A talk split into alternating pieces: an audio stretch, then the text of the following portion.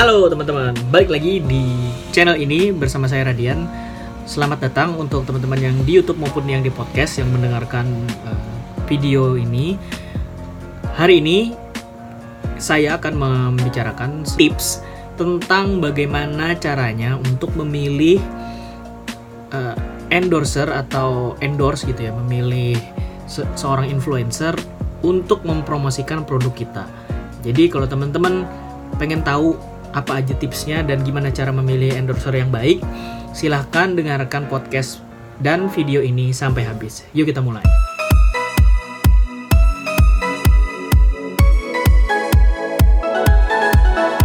Oke, kita masuk uh, ke tips bagaimana cara memilih endorser yang baik. Sebelumnya saya mau kasih backgroundnya dulu. Jadi beberapa bulan ke belakang saya mencoba strategi baru untuk mempromosikan produk custom saya.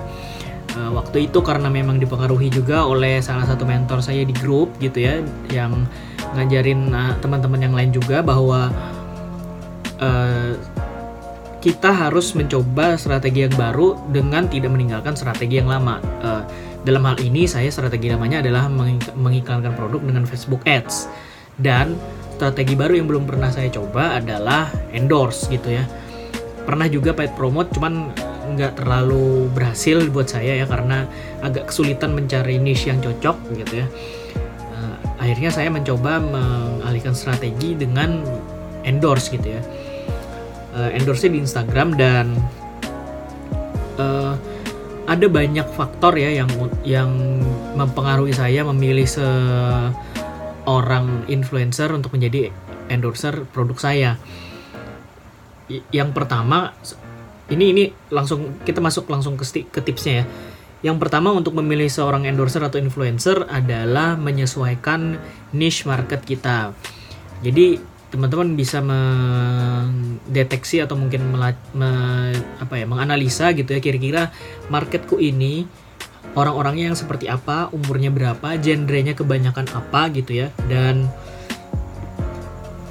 mereka banyaknya di mana, ngumpulnya di mana biasanya.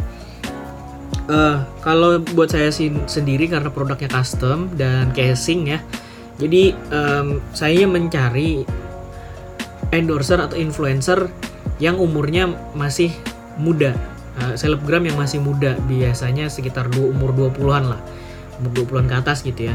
Dan uh,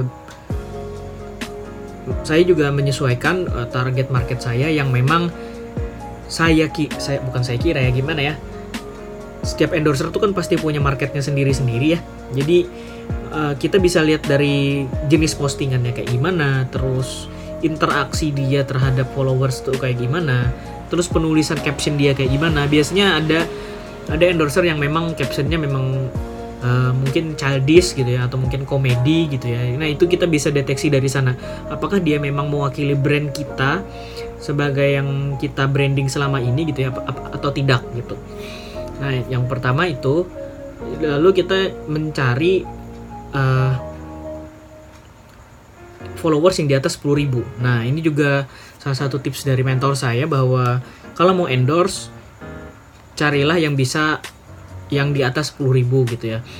Dia bahkan menyarankan di atas 100.000 tapi buat saya budgetnya nggak ter apa buat budgetnya untuk endorse yang 100.000 terlalu besar untuk saya. Karena setelah saya riset gitu ya be selama beberapa bulan ternyata budget iklan saya itu cuman sekitar beberapa juta aja gitu loh. Nggak kalau misalnya meng untuk mengendorse satu influencer berfollower 100 ribu budgetnya langsung habis gitu ya. Jadi nggak bisa lagi ngendorse yang lain nih.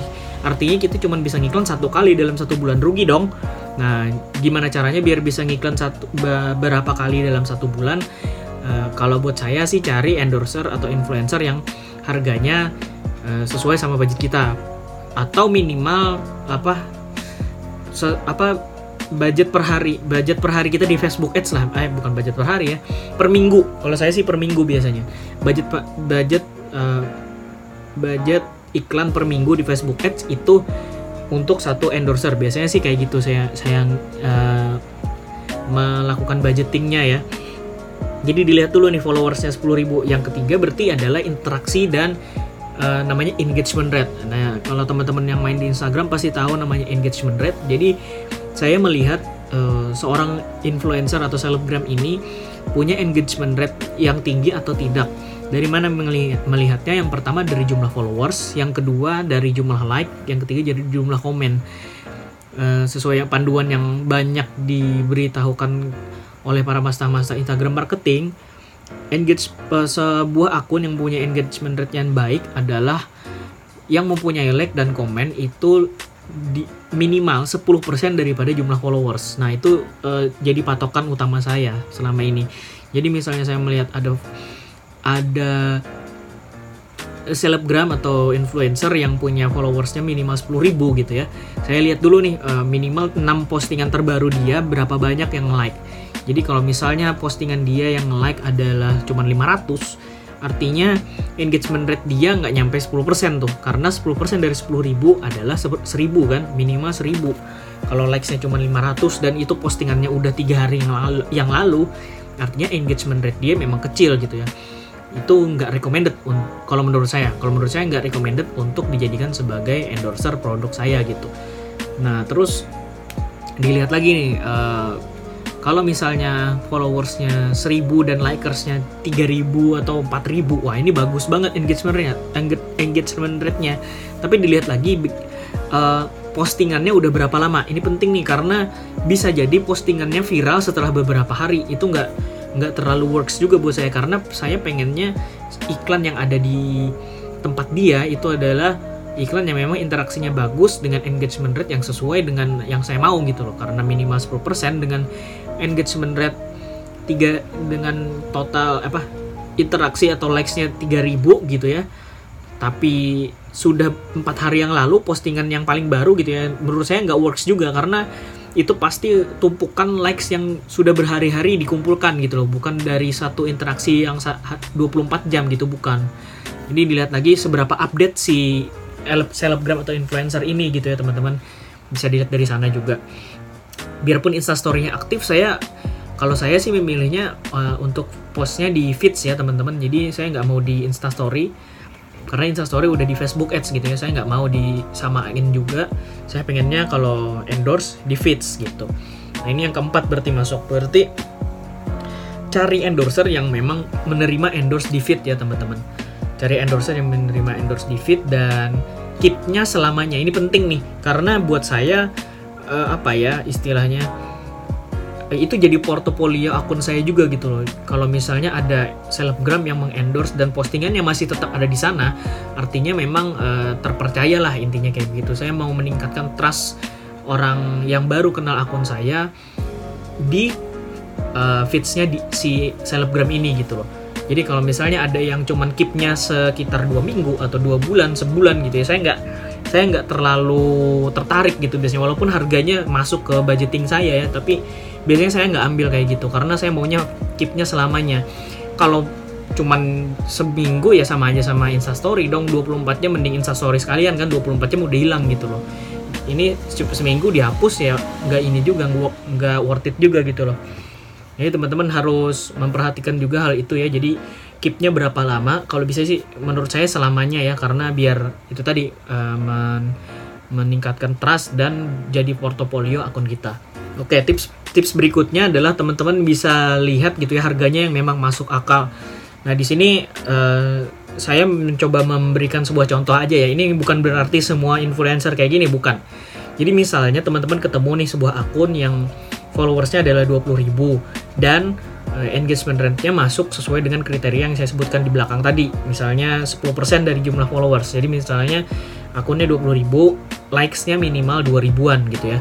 Dan e, ketika dikontak e, orangnya juga fast respon gitu ya, ramah. E, itu juga salah satu pertimbangan saya dan e, ketika ditanya harga e, dia nyebutkan se minimal misalnya nih, misalnya dia nyebutkan 2 juta gitu ya. Uh, dan kalau di bio-nya terpampang sebuah akun uh, manajemen biasanya ada tuh manajemen manajemen influencer gitu ya itu bisa jadi yang disebut dia disebutkan itu adalah manajemen fee bukan fee dia pribadi bukan dia fee fee dia secara personal bukan. Jadi ada kemungkinan akan dimasukkan dulu ke manajemen baru dia nerima fee-nya pribadi gitu loh. Nah kalau bisa sih teman-teman uh, bisa menghindar ah, bukan menghindari ya gimana ya? Mungkin bisa nawar lagi gitu ya.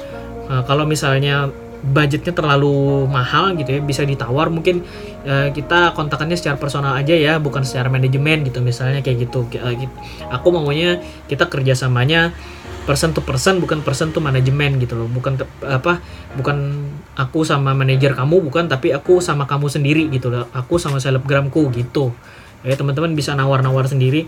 Dan kalau menurut saya harga yang diajukan pun agak di luar agak terlalu mahal ya karena kalau buat saya 2 juta itu biasanya untuk followers yang 100 ribuan kalau menurut saya ya. Followers dengan 100 ribu harga 2 juta menurut saya worth masih worth it masih worth it. Asal engagement rate-nya sesuai dengan yang saya tentukan tadi minimal 10% ya tentu saja. Dan seperti yang kita tahu sebetulnya kalau misalnya makin gede followersnya tentu engagement rate-nya akan semakin turun itu udah pasti. Tapi uh, masih banyak kok masih ba ada ada aja akun-akun yang memang punya engagement rate yang tinggi gitu ya walaupun followersnya juga tinggi engagement rate-nya tetap stabil gitu loh nggak nggak nggak apa namanya nggak nggak sel nggak selalu turun semuanya nggak juga ada juga memang gitu loh. Tapi ya itu teman-teman bisa cek sendiri kira-kira mungkin uh, teman-teman survei dulu deh minimal gitu ya.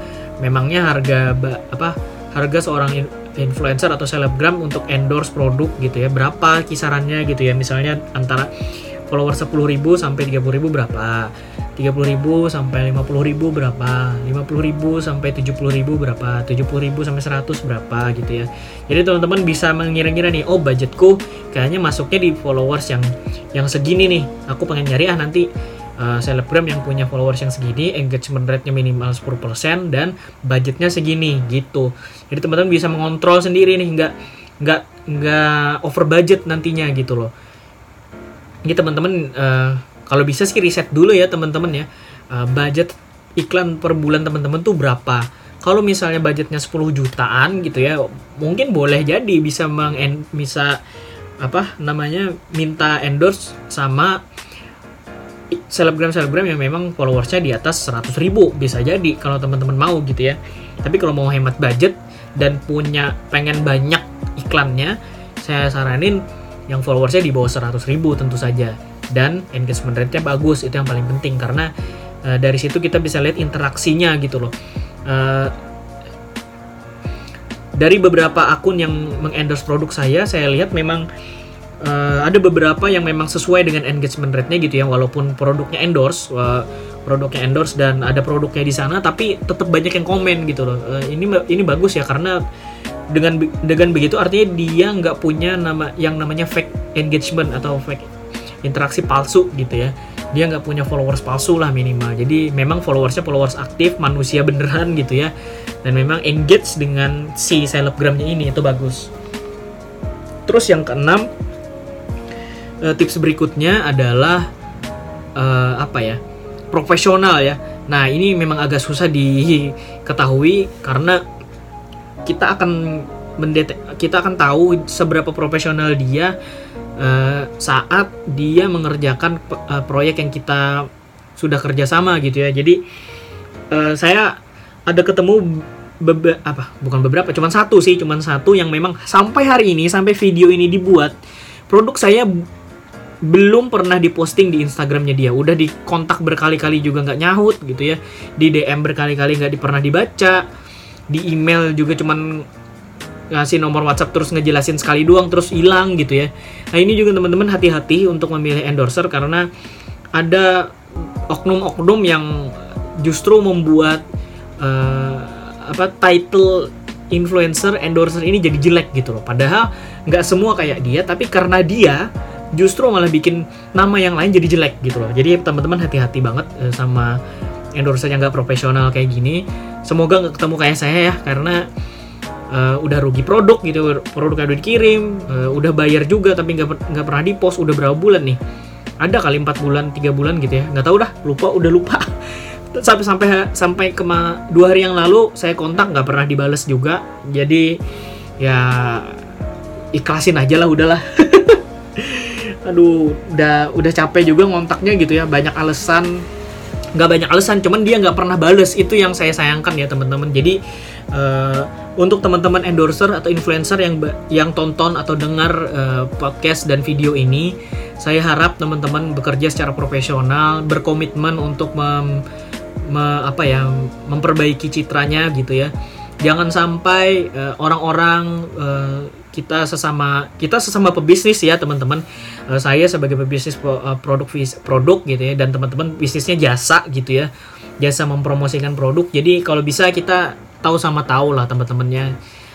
Nggak uh, jangan sampai gitu ya uh, sebuah bisnis rusak karena gara-gara oknum yang memang nggak profesional.